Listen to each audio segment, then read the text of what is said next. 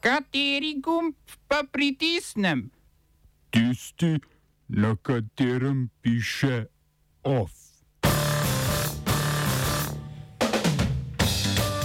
Koalicijski dogovor v Izraelu. Konec parlamentarnega bojkota v Gruziji.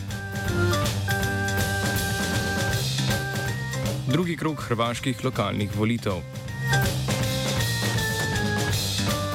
V kulturnih novicah mednarodna konferenca Kakšna vladavina o oblasti nekoč in danes.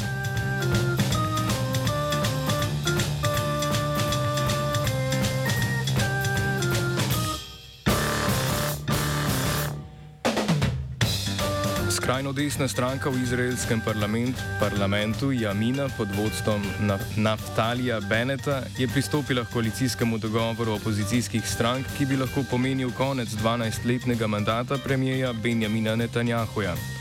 Morebitna novo pečena koalicija za svojo vzpostavitev sicer potrebuje konsolidacijo interesov tako Jamine, ki si med drugim prizadeva za širitev in aneksacijo nezakonitih naselbin na Zahodnem bregu, kot tudi arabskih poslancev, ki pa verjetno ne bi vstopili v vlado.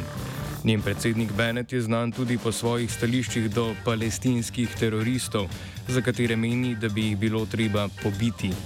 V sklopu dogovora je Žair Lapid, predsednik največje opozicijske stranke Ješatid, pripravljen premijejsko mesto sprva odstopiti Benetu, po nedoločenem času pa bi sledila rotacija. Izraelski predsednik Rojven Rivlin je Lapidu podelil mandat za sestavo vlade v začetku meseca, tako da se rok izteče v sredo, na to pa lahko Lapid pod pogojem, da je dogovor sprejet in se lahko izvede glasovanje, zaprosi za enotedensko podaljšanje. V nasprotnem primeru Izrael čakajo šeste volitve v zadnjih dveh letih.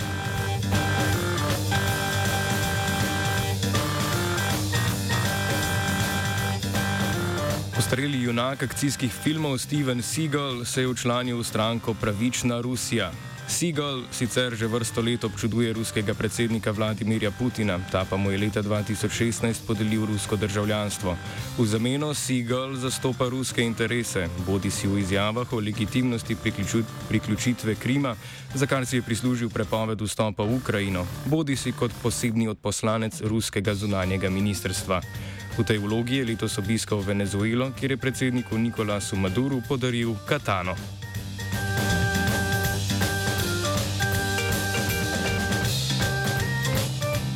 Največja gruzijska opozi opozicijska stranka, Združeno narodno gibanje, je napovedala konec bojkota parlamenta, ki traja od oktobrskih volitev. Na njih je večino sedežev osvojila stranka Gruzijske sanje, opozicija pa je volitve razglasila za prirejene in tudi organizirala množične proteste. V vladajoči stranki so se na to odzvali z izglasovanjem oduzema poslanske imunitete vodji Združenega narodnega gibanja Niki Meliju, ki ga je policija zatem aretirala. Izpuščen je bil po treh mesecih, varščino zanj pa je plačala kar Evropska unija. Bojkot se končuje v sklopu dogovora med gruzijskimi sanjami in opozicijo, ki so ga stranke s posredništvom predsednika Evropskega sveta Charlesa Mišela podpisale aprila. Dogovor predvideva vrnitev opozicije v parlament, vladajočo stranko pa zavezuje k volilnim in pravnim reformam, med drugim tudi k dvigu praga za oduzem imunitete poslancem.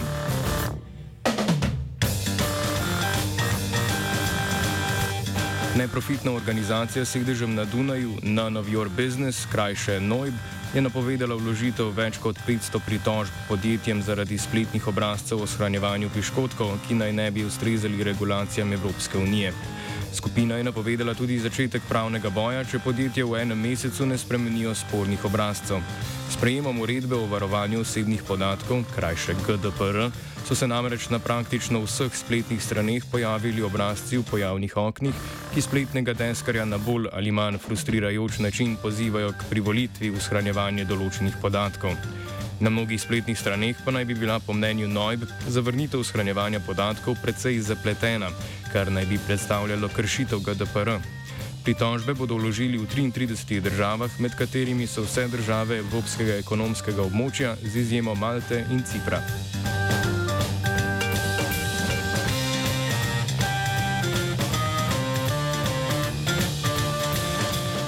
Na parlamentarnih volitvah na Cipru je zmagala dosedaj vladajoča konzervativna stranka Demokratski zbor in osvojila 17 sedežev od 56, ki jih v ciprskem parlamentu zasedajo predstavniki grškega prebivalstva.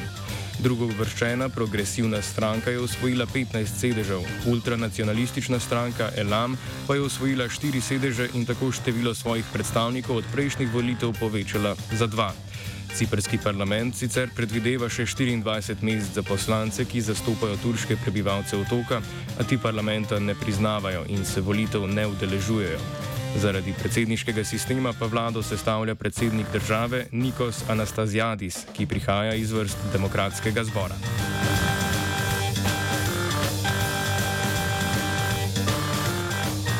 Ekonomska zveza zahodnoafriških držav, krajše ECOWAS, je Mali suspendirala iz svojih vrst zaradi nedavnega državnega udara, v katerem je vojska odstavila predsednika države Bahja Andava in predsednika vlade Moktarja Waneja. Suspenz naj bi trajal do februarja 2022 oziroma do obljubljenega roka, ko naj bi v Maliju izvedli volitve. Trenutno državo vodi poročnik malijske vojske Asimi Gojta. Pod njegovim vodstvom je frakcija vojske udar izvedla že lani, ko so pridržali predsednika Ibrahima Bubakarja Kejtaja, ki je zatem odstopil. Sledilo je oblikovanje tranzicijskega narodnega komiteja za rešitev ljudstva, ki ga je vodil Andal, kot podpredsednik pa je služil Gojta.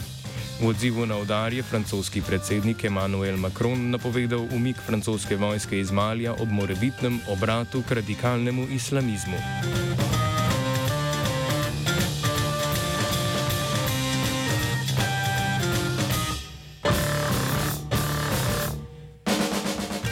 V drugem krogu hrvaških lokalnih volitev je v Zagrebu zmagal kandidat platforme Zmoremo Tomislav Tomaševič. Prejel je dobrih 65 odstotkov glasov in tako prehitev za dom spremnega protikandidata Miroslava Škora, predsednika stranke Domovinsko gibanje.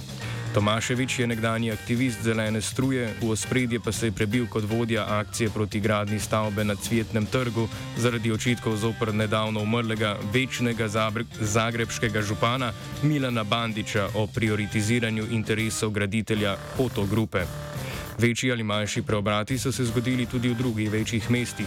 Tako je v Osijeku HDZ-ov kandidat Ivan Radič premagal kandidata domovinskega gibanja, na reki je slavil dosedanji županov namestnik Marko Filipovič iz stranke SDP, v Splitu pa je zmagal Ivica Puljak, kandidat stranke Centar. Oba, če, če bom odgovoril na angliški.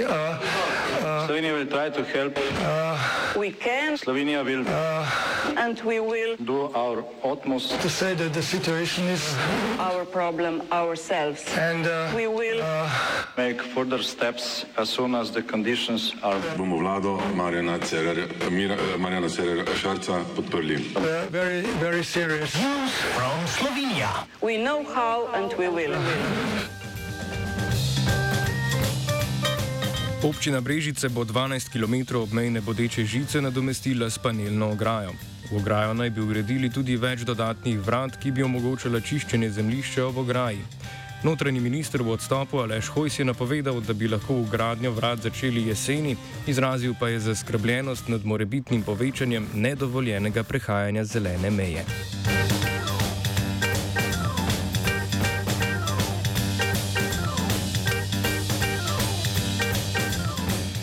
Utegne se zgoditi, da ne bo le Hojs minister v odstopu, ki ni zares odstopil, temveč se bo znaka prijela kar cele vlade. Poslanec SDS Branko Grims je namreč v petkovi oddaji 24 ur zvečer zatrdil, da naj bi se predsednik vlade Janez Janša v tem tednu odločil vezati zaupnico vladi na glasovanju o razrešitvi predsednika državnega zbora Igorja Zorčiča. A v isti sapi je izrazil skepso o tem, ali bo ta odločitev zares uresničena. Prav tako je poslanka SDS Alenka Jaraj v oddaji politično izjavila, da ocenjujejo, da vlada dela dobro, da parlament dela dobro, ter da naj predčasne volitve ne bi bile potrebne.